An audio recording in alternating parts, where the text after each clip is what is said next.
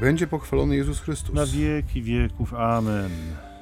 Ech, 24 dzień września. Niesamowite. Jak ten czas leci. Jesień coraz bardziej nas dogania. Czy ojciec jest w Polsce? E, tak, Znakomicie. ja jestem domatorem. Ja prawdopodobnie już też jestem w Polsce. Daj Boże. Daj Boże. Nie wiemy, co przyszłość przyniesie. ale- Taki spętny nastrój jesienny. Witają się z Państwem. Ojciec Michał Nowak, Franciszkanin. I ojciec Maciej Baron Werbista. Wichry niespokojne potargały sad, sad. a my te audycje dla Państwa Już między, ładnych parę lat. między nami homiletami. Czyli ćwierć tony sambony. Witamy się z Państwem bardzo serdecznie w tę niedzielę. My w niedzielę, a właściwie nie, to w ogóle wielkie oszustwo jest. No nie w niedzielę, bo my akurat w poniedziałek się z Państwem witamy. I to jeszcze lipcowy, żeby było wesele i zdradzę taki sekret. No ale, ale być może słuchacie nas w niedzielę. Ojciec Michał już w studio jest z kajakiem i wiosłem, ponieważ przed nim wielka amerykańska Odyseja. Tak, będzie, tak, właśnie. Tak będzie wiosłował. No, mamy dzisiaj e, ko- kolejną Ewangelię z cyklu. E, Jaka Kontynuacja. szybka zmiana tematu, proszę Państwa. Zauważyliście, jak tylko wiosłowanie i kajak weszły tutaj na arenę, to nagle Ewangelia. Ja z wiosłowania nie jestem najlepszy. Niech, także... będzie ojczyta Ewangelia, bo po nią tutaj przyjeżdżamy i Tak. dla niej przyjeżdżamy, także proszę Cię uprzejmie. Z wiosłowania tylko zupę mogę po- powiosłować, że tak powiem, i to dosyć szybko mi idzie. Natomiast Ewangelia jest Mateuszowa, 20 rozdział, wersety od 1 do 16a i pozwolę sobie y, tę Ewangelię Państwu przytoczyć. Jezus opowiedział swoim uczniom następującą przypowieść. Królestwo niebieskie podobne jest do gospodarza, który wyszedł wczesnym rankiem, aby nająć robotników do swej winnicy umówił się z robotnikami o denara za dzień i posłał ich do winnicy. Gdy wyszedł około godziny trzeciej, zobaczył innych stojących na rynku bezczynnie i rzekł do nich: Idźcie i wy do mojej winnicy, a co będzie słuszne, dam wam. Oni poszli. Wyszedłszy ponownie około godziny szóstej i dziewiątej, tak samo uczynił. Gdy wyszedł około godziny jedenastej, spotkał innych stojących i zapytał ich, czemu tu stoicie cały dzień bezczynnie. Odpowiedzieli mu, bo nas nikt nie najął. Rzekł im, idźcie i wy do winnicy. A gdy nadszedł wieczór, rzekł właściciel winnicy do swego rządcy: Zwołaj robotników i wypłać im należność, począwszy od ostatnich aż do pierwszych. Przyszli najęci około 11 godziny i otrzymali po denarze. Gdy więc przyszli pierwsi, myśleli, że więcej dostaną, lecz i oni otrzymali po denarze. Wziąwszy go, szemrali przeciw gospodarzowi, mówiąc: Ci ostatni jednej, jedną godzinę pracowali, a zrównałeś ich z nami, którzy znosiliśmy ciężar dnia i spiekotę. Na to odrzekł jednemu z nich: Przyjacielu, nie czynię ci krzywdy. Czyż nie o denara umówiłeś się ze mną? Weź co twoje i odejdź. Chcę też i temu ostatniemu dać tak samo jak tobie. Czy mi nie wolno uczynić ze swoim, co chcę? Czy na to złym okiem patrzysz, że ja jestem dobry? Tak ostatni będą pierwszymi, a pierwsi, pierwsi ostatnimi. Te przypowieści to jest świat w świecie. E, Już mówiłem tu przed audycją pierwszą, e, nagrywaną w dniu dzisiejszym ojcu Michałowi, że lubię czytać e, opracowania Jezusowych przypowieści w wydaniu różnych kaznodziejów. E, Często są to e, książki, że tak powiem, pochodzące z łona wspólnot niekatolickich, ale e, no, trzeba przyznać, że w niektórych kościołach protestanckich to umiłowanie słowa idzie też w parze z takim bardzo dobrze, gruntownie przygotowanym studium biblijnym, które rzeczywiście pokazuje i objawia nam pełnię znaczenia danego tekstu, pokazuje nam też ukryte sensy, które często nam gdzieś umykają z racji tego, że y, no co tu dużo mówić, bywa, że kiedy kaznodzieja znajdzie sobie taką jedną interpretację, która mu pasuje, to przez całe swoje kaznodziejskie życie będzie się na niej opierał. E, Ja oczywiście nie mówię, że jest to złe, czy w sensie niesłuszne, ale y, no to trochę jak y, kupić bombonierkę i wyjąć z niej tylko jeden cukierek czy jedną czekoladkę, a pozostałe odłożyć na półkę. E, a tam jest cała masa dobra jeszcze, które też można wykorzystać. I e, rzeczywiście ta przypowieść, która dzisiaj mm, jest nam dana, e, kolejna z przypowieści Jezusa o Królestwie, które trzeba bardzo uważnie czytać. Nie? Bo ja ostatnio miałem taką sytuację, byłem świadkiem przepowiadania, głoszenia w czasie mszy świętej przez księdza diakona, elokwentnego, sympatycznego młodzieńca, który miał no, za zadanie wygłosić Ewangelię do przypowieści, w której to Królestwo Niebieskie podobne jest do człowieka, który znalazł ukryty w roli skarb. Do człowieka. To Królestwo Niebieskie nie jest przyrównane do skarbów ziemi, tylko do człowieka, który znalazł w skarb. To zmienia zupełnie interpretację. A on, odczytawszy Ewangelię, zapodał taką interpretację, bardzo, zresztą bardzo widać, że przemyślaną, poukładaną, no ale jak gdyby no, w pierwszym zdaniu już minął się z tym, co Jezus mówi do słuchaczy, bo Jezus mówi, że królestwo jest podobne do człowieka, który znajduje skarb, do kupca, który idzie po drogocenną perłę, a nie do perły samej w sobie czy skarb. Dokładnie. Ale był też konesera, jak to mówiliśmy ostatnio. Konesera piękna i dobra. E, I podobnie jest dzisiaj. Królestwo Niebieskie podobne jest do gospodarza, który wyszedł wczesnym rankiem. Nie? To nie winnica jest królestwem, to nie ci e, biedni robotnicy, którzy czekają na najem na rynku miejskim są królestwem. Królestwo to jest gospodarz, który wyszedł wczesnym rankiem, aby nająć robotników do swojej winnicy. Już tutaj jest taka intuicja, że jest to przypowieść nieco podobna do tej o perle i o skarbie, ponieważ tu także człowiek, który jest przyrównany do królestwa, wychodzi, by szukać. Nie? No chyba, że zakładamy, że był tak pewny e, tego, że znajdzie tam tych ludzi, że on rzeczywiście wyszedł tylko i wyłącznie po to, żeby nająć, faktycznie zebrać ich z ulicy, powiedzieć, proszę bardzo, tu jest ścieżka do mojej wiednicy, proszę iść i pracować. Ale ja myślę, że ta, ta intuicja jest o tyle słuszna, że te, te przypowieści o królestwie stanowią pewną całość. I to szukanie z rozmysłem i świadome poszukiwanie jest jednym e, z takich wyznaczników e, tego królestwa, nie? że to jest rzeczywistość, w której bardzo ważne jeżeli chodzi o nasz udział w niej, e, to świadome poszukiwanie wartości królestwa. Nie? To nie jest nic danego raz na zawsze, to nie jest taki pewniak życiowy, tylko przypowieści wprowadzają w nasze życie pewien element, no nie chcę powiedzieć, że ryzyka, ale takiej niepewności wiary, nie? bo wiara nigdy nie może być y, utożsamiana ze stuprocentową pewnością. Człowiek, który twierdzi, że on nie potrzebuje wiary, bo on wie, jest taki krążący ostatnio filmik po katolickich YouTubach i nie tylko. Jeden z ostatnich zarejestrowanych wywiadów z, no, z, z ojcem, czy z drugim ojcem współczesnej psychologii, psychoanalizy i tak dalej, Karlem Gustawem Jungiem. E, no i za kadru pada pytanie, czy w tych wszystkich poszukiwaniach, tych drogach właśnie, które Pan realizował na, y, na tej ścieżce naukowej, akademickiej, także praktyki swojej jako psychoterapeuta, jako lekarz, nie? w sensie psycholog, y, czy kwestia Boga wypłynęła? Czy, czy, czy wierzy Pan Boga? O, jest taka dłuższa chwila milczenia. To już mocno starszy Pan, taki w ósmej czy dziewiątej dekadzie życia. Ale on patrząc prosto w oko kamery mówi, ja nie potrzebuję wiary. Ja wiem, że Bóg jest, nie? Ja wiem, że on jest. I to jest piękne, bo to, yy, znaczy wypowiedź jest piękna, bo pokazuje yy, człowieka, który no, przez całe swoje życie szedł jakąś drogą i na koniec, można powiedzieć, zbiera tego owoc, nie? Ale sama postawa e, człowieka, który twierdziłby, że on nie potrzebuje w życiu wiary, bo on ma pewność, bardzo często szybko jest weryfikowana, nie? I, bo my w naszym życiu mało czego poza podatkami i śmiercią możemy być stuprocentowo pewni że cię zaskakuje i postawa takiego, mm, y, takiego, takiej pewności, pewnej buty nawet względem świata, jego spraw, ludzi i ich możliwości, no sprawia, że my prze, przejawiając taką postawę nie wiary, a właśnie pewności, y, zamykamy się na bardzo wiele rzeczy, co więcej y, przyjmujemy ścieżkę, która jest bardzo karkołomem. To tak jak mówię, bardzo szybko możemy się przekonać, że rzeczywiście ta nasza pewność jest weryfikowana przez życie. Nie? I wtedy, no albo jeżeli ktoś ma w sobie to ziarno pokory, jest w stanie zweryfikować swoją postawę, wtedy, albo będzie szedł w zaparte, e, no i to będzie tym gorzej dla rzeczywistości, że to nie pasuje do światopoglądu czy wizji tego człowieka. No i to będzie tym gorzej dla rzeczywistości, że nie pasuje do światopoglądu czy wizji. Zacząłeś od tego, że tych e, przypowieści o królestwie jest sporo, i ja przyznam szczerze, że mnie to też bardzo zatrzymało. Mm, bo zobaczcie Państwo, jak bardzo Jezusowi zależy na tym, żeby ludzie zrozumieli choćby cząstkę tej tajemnicy, którą przyszedł objawić światu. On to próbuje zobrazować na bardzo różne sposoby.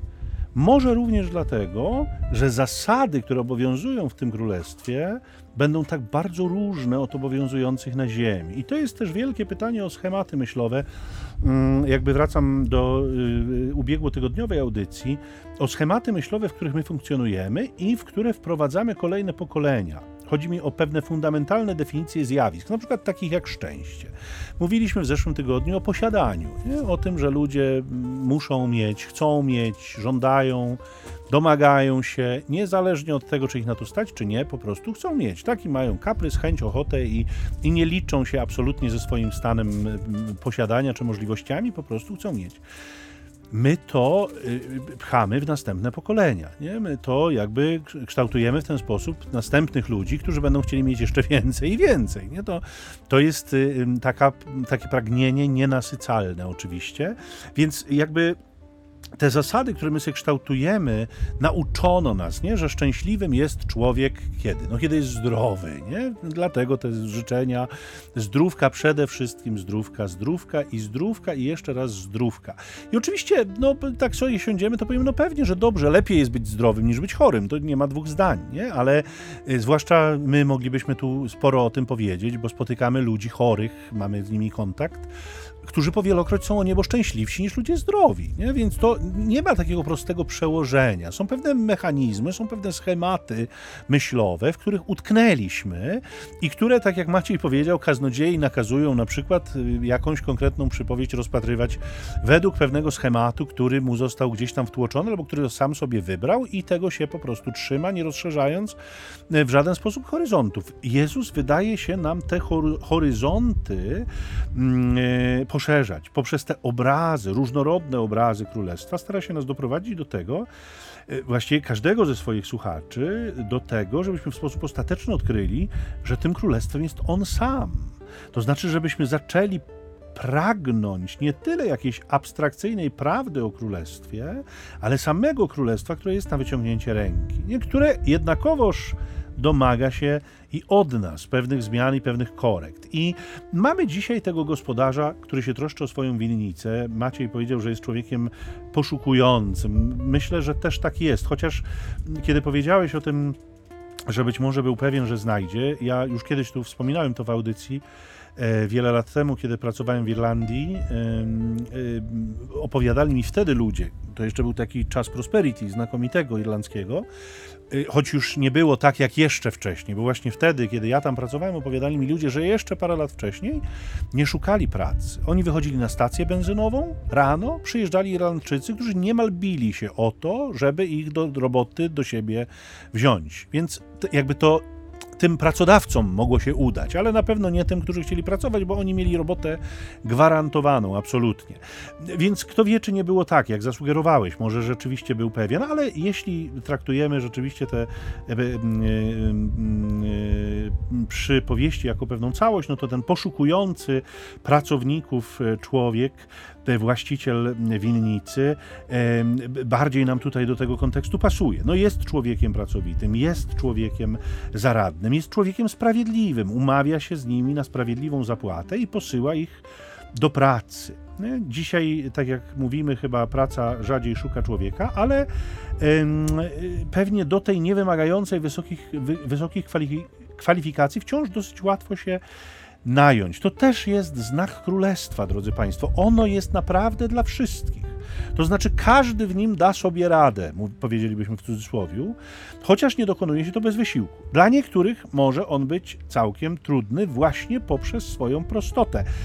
Upraszczanie w naszym życiu kwestii, które my sami komplikujemy, jest chyba ulubionym zajęciem Jezusa ale nas kosztuje całkiem sporo. To tak jakbyśmy lubili żyć wśród komplikacji, jakby one świadczyły o tym, że jesteśmy bardziej poważni niż w rzeczywistości. Tymczasem Pan pokazuje rzeczywistość niesłychanie prostą. Nie? I czasem, kiedy my, ja wiele razy się spotykałem na przykład, z, no, dla przykładu, z parami, y, które miały jakiś problem małżeński i przyznam szczerze, i, im dłużej ich słuchałem, tym wydawało mi się, że komplikują to, tę sprawę nieprawdopodobnie mocno. Nie? To znaczy narosły jakieś warstwy, które y, właściwie można by dawno temu już y, szybko i łatwo rozwiązać, ale i dziś nie wymagałoby to jakiegoś ogromnego nakładu pracy, tylko pewnej decyzji, że robimy to czy tamto, która jest kosztowna, bo wydaje się, że łatwiej, że to wszystko jakoś skomplikowane, znajdźmy jakieś skomplikowane rozwiązanie. Tymczasem rozwiązanie jest czasem niesłychanie proste i właśnie w tej jego prostocie tkwi jego urok.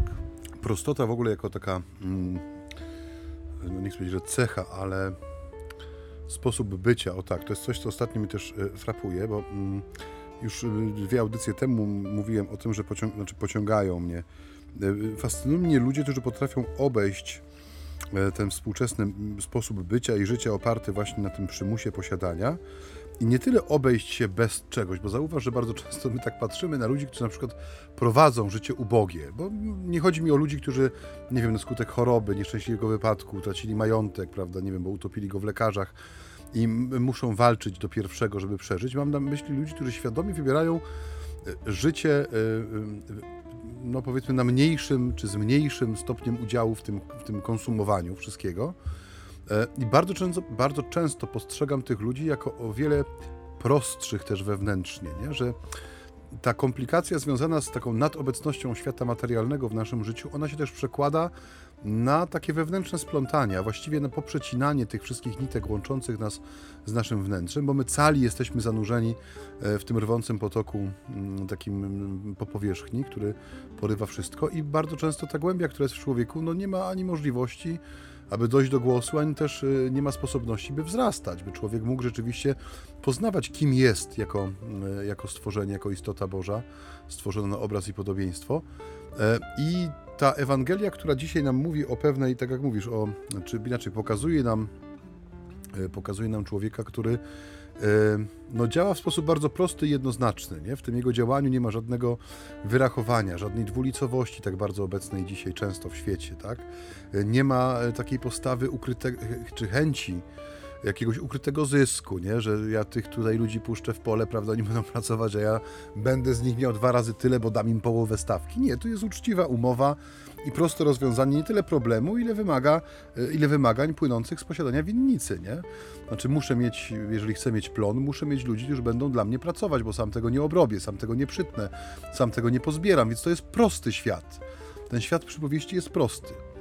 I ta prostota, która w, w Ewangelii bardzo często wychodzi na, e, na pierwszy plan, ona też e, jest pewnym komentarzem do czasów, w których my e, to słowo czytamy i rozważamy. Ale więcej o tym myślę po krótkiej, prostej przerwie muzycznej. Tadeusz zagra na trójkącie.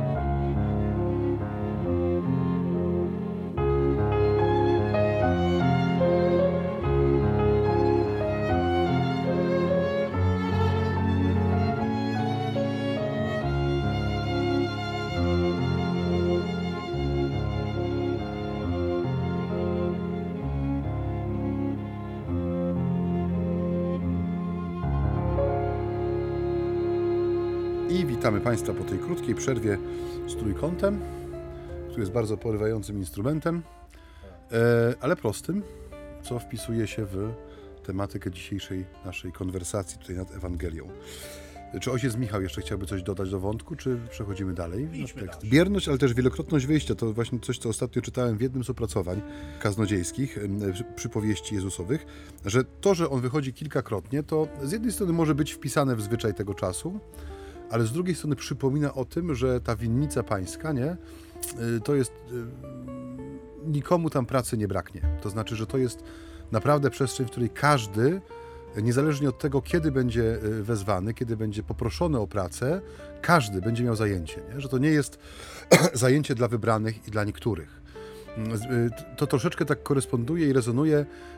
Ostatnio był jeden z, bodajże jeden z listów episkopatu, kiedy była mowa o powołaniach. Właśnie było takie fajne zdanie, e, które przypomniało tą nie tylko powszechną odpowiedzialność za powołania, ale też wypunktowane było to, że to dzieło do którego jesteśmy powołani jako Kościół, to nie jest dzieło zarezerwowane dla rąk, które są wyświęcone, tak? W tym sensie, że kiedy modlimy się o robotników, aby Pan posłał ich na swoje żniwo czy do winnicy, to mamy na myśli nie tylko księży, siostry zakonne, braci czy zakonników yy, powoływanych w sensie no, widoczny sposób, tak? w sensie, że oni swoje życie wiążą poprzez śluby, poprzez yy, drogę rad ewangelicznych z zgromadzeniem i z Kościołem jako, jako ci, którzy dają się jako ta ofiara, żertwa, prawda, całe swoje życie, ale że każdy człowiek ochrzczony, który ma w sobie ten, ten, ten, ten moment takiego no, przejrzenia na oczy, że widzi, że to rzeczywiście nie jest tylko i wyłącznie ich sprawa, ale też moja sprawa, jak ten kościół wygląda, czym on żyje, jakie owoce wydaje już tutaj w doczesności, że każdy człowiek jest na wagę złota, w sensie każdy człowiek ma swoją, tam było to ładnie tak że na wagę złota w sensie tego denara jest wart, nie? który jest płacony. Więc e, e, to jest takie też przypomnienie, że ta winnica to nie jest, nie jest, e, nie jest zamknięta działka dla wybranych, prawda, którzy Y, przechodzą ostry proces selekcji i tylko kiedy będą uznani za godnych, y, będą dopuszczeni do tego świętego posługiwania. Nie, to jest y, tam pracy jest dla każdego i każdy ma tam swoje miejsce, swoje zajęcie. Dlatego też ten gospodarz niestrudzenie wychodzi o kolejnych godzinach i wciąż znajduje ludzi, którzy, tak jak tu Michał mówi, bezczynnie stoją. Nie? Że jak gdyby jest kontrast między tą no, nie, nie, nie do przerobienia pracą w winnicy, a bezczynnością ludzi, którzy stoją na rynku, czekają, by ich ktoś najął. No i ta bezczynność mnie zatrzymuje mocno, ta bierność. No bo z czego ona wynika? Y, hipotezy mam na ten temat. Nie? Być, może, być może są to ludzie przyzwyczajeni, że ktoś robił coś za nich. Myślę, że myśmy mieli do czynienia z taką sytuacją w PGR-ach w Polsce nikomu nic nie ujmując, z pełnym szacunkiem, ale dla wielu ludzi, którzy pracowali w PGR-ach, był pewien schemat. Oni mieli swoi, zrobić swoją robotę, a ktoś się o nich troszczył, o różne ich sprawy codziennego życia, więc kiedy nagle zetknęli się z gospodarką rynkową, było im strasznie trudno się jakby odnaleźć w tej rzeczywistości. Nie? Więc to, to być może jest pierwszy powód tej bezczynności. Być może ci, o których mowa w tej Ewangelii, mieli trochę taką afrykańską mentalność. Nie? To znaczy tam nie, w sumie wszystko jedno, nie let it be, tam zobaczymy. Niech se tam życie płynie, my tu poleżymy i zobaczymy, jak się sprawy rozwiną, tak naprawdę. Może mają takie mocne przekonanie, że są potrzebni właśnie tacy, jakimi są. Nie, nie muszą się starać. To, Pan Bóg ich kocha. To jest dzisiaj ta, to przekonanie. Nie Pan Bóg mnie kocha takiego, jakim jestem. Śpiewaliśmy to jako dzieci wszyscy. Bóg kocha mnie takiego, jakim jestem raduje się każdym moim gestem nawet gestem lewej nogi z hamaka y, też się uraduje, więc ja generalnie niekoniecznie jestem wezwany do tego, żeby nad sobą pracować i cokolwiek zmieniać. Dziś jest dobrze i tak ma pozostać. Ja oczywiście przejaskrawiam trochę, ale bardzo mi to przypomina, wiecie Państwo, wspólnotę Kościoła, tak jak przypowieść o siewcy mi zawsze stawia przed oczy Kościół, no bo ta gleba to jest, wypisz, wymaluj Kościół, te cztery rodzaje gleby, które na pewno w Kościele znajdziemy, we wspólnocie, oczywiście nie o budynku mówię, i tutaj również mamy jakby całą masę ludzi w Kościele, którzy, nie wiem, bazują na wiedzy z dzieciństwa, religijnej rzecz jasna, chodzą pewnymi wydeptanymi ścieżkami do kościółka, czekają. Nie, chyba nawet nie do końca wiedząc na co. Po prostu jest jakaś taka postawa bierności, schematu, i wobec tej bierności jest jeszcze mocne uderzenie ostatniej godziny. To jest niesłychanie klarowna scena Y, dla mnie, y, bo powstaje takie pytanie, czy gospodarz potrzebował jeszcze i tych rąk. No Maciej mówi, że w tej winnicy nigdy roboty nie braknie, ale zakładając, że zanim ci panowie dotrą, zanim się wezmą do roboty, wygrzani tym staniem na rynku przez cały dzień, trochę rozleniwieni, no to minie sporo czasu i y, oni nie popracują za długo i nie będą specjalnie wydajni. Nie wiem, czy ten gospodarz był rzeczywiście człowiekiem, który potrzebował jeszcze rąk do pracy, czy też może w tej ostatniej godzinie był już raczej filantropem, wiedząc, że pracy tu dłużej raczej nie będzie, no ale trzeba o tych ludzi jakoś zadbać, po prostu, żeby nie szli głodni spać. No trzeba im coś tam jakoś zapewnić, jakąś namiastkę mm, czegoś. I y, ta szczera, bezradna odpowiedź, dlaczego tu stoicie, no bo nas nikt nie najął. Y, no naprawdę sugeruje jakąś ograniczoność tych ludzi jest wręcz irytująca. E, ale i tacy ludzi są wokół nas. Jest to tym bardziej irytujące, powiedziałbym, że oni otrzymują wypłatę jako pierś, pierwsi, pierwsi. I to w kwocie dokładnie takiej samej, jak ci, którzy pracowali cały dzień. I to rodzi poczucie niesprawiedliwości. No bo co? Wystarczy być niepełnosprytnym i człowiek już wie, za wiele nie musi w swoim życiu? Fascynujące, że ci, którzy zostali najęci w dokładnie ten sam sposób rano, których zaradność była mniej więcej taka sama, bo też stali tam bezczynnie, czują się lepsi po prostu dlatego, że ktoś dał im szansę i nie zmitrężyli całego dnia. To jest fascynujące. Zobaczcie Państwo, jak trudno dostrzec fakt, że jest się obdarowanym. Że sama możliwość robienia tego, do czego człowiek został powołany, to już jest ogromna łaska. O tym pisał Jan Paweł II w Laborem Exercens, że praca nie jest tylko drogą zdobywania środków do życia. Ona przede wszystkim jest drogą budowania pięknego człowieczeństwa. I to doskonale widać, myślę, w perspektywie ludzi zamożnych, którzy wypracowali sobie swój statut i tych, którzy go otrzymali w prezencie. Bardzo często różni ich poziom człowieczeństwa, nie? że ci, którzy sobie wypracowali, potrafią uszanować potrafią uszanować innego człowieka pracy. Potrafią szanować dobra i człowieka, który pracuje. Natomiast ci, którzy wszystko dostali od bogatego tatusia, no ani, ani pracy nie szanują, ani człowieka nie szanują najczęściej. Dlaczego gospodarz miał dać więcej tym, którzy pracowali cały dzień? Tak. Już, już kończę, już kończę. Dlaczego, dlaczego gospodarz nie dał więcej tym, którzy pracowali cały dzień? Zobaczcie Państwo, przecież wielokrotnie Jezus pokazuje Ojca jako wręcz rozrzutnego, hojnego. Dlaczego tutaj tego nie ma? Wszyscy byliby zadowoleni, nie? Ci ostatni dostaliby denara, nie poszliby głodni spać, ci pierwsi poczuliby się docenieni, że pracowali trochę bardziej. Nie? I być może właśnie chodzi o te schematy myślowe o których mówiłem u początku, nie? o te spodziewania się. Człowiek, który spodziewa się więcej, nie potrafi dostrzec uczciwości układu, który mu zaproponowano i nie czuje się spełniony i szczęśliwy. I w zasadzie nigdy takim nie będzie, bo będzie wciąż dostrzegał innych, którzy w jego rozumieniu będą mieli więcej niż on, albo nie zasługują na tyle, na ile E, na tyle, ile mają w swoim życiu. Człowiek, który się spodziewa więcej, e, zawsze. To więcej. nieumiarkowanie w, w oczekiwaniu, w oczekiwaniach względem świata, ono często przyjmuje taką postać bardzo konkretną. E, to, co ojciec Michał tu powiedział, że no, bywa często tak, że człowiek obdarowany nie wie o tym, że jest obdarowany. Nie? To, my tak pięknie potrafimy się zachowywać względem dzieci. Tak, ja teraz po raz kolejny powołam się na moją siostrzenicę Zosię, która ostatnio odkryła taki talent w sobie do obdarowywania. Na początku było mnie, moje, Jasiama. E, dziecko ma niespełna dwa lata, ale teraz potrafi na przykład, kiedy siedzimy w ogródku, pijemy sobie kawę z babcią i z mamą, e, Zosia znajduje jakiś kwiatek, stokrotkę czy coś innego, zrywa, przynosi i z takim rozbrajającym uśmiechem ci wręcza. No oczywiście ja uwielbiam patrzeć, jak dorośli to takie nic, prawda, ten kwiatulek, który za 30 sekund uwiędnie, przyjmują, jakby otrzymali drogocenną perłę właśnie, albo ów skarb wytargany przez, przez kogoś tam z roli, gdzie był głęboko ukryty. O, jaki piękny, jak ślicznie go zerwałaś, jak cudownie, że przyniosłaś.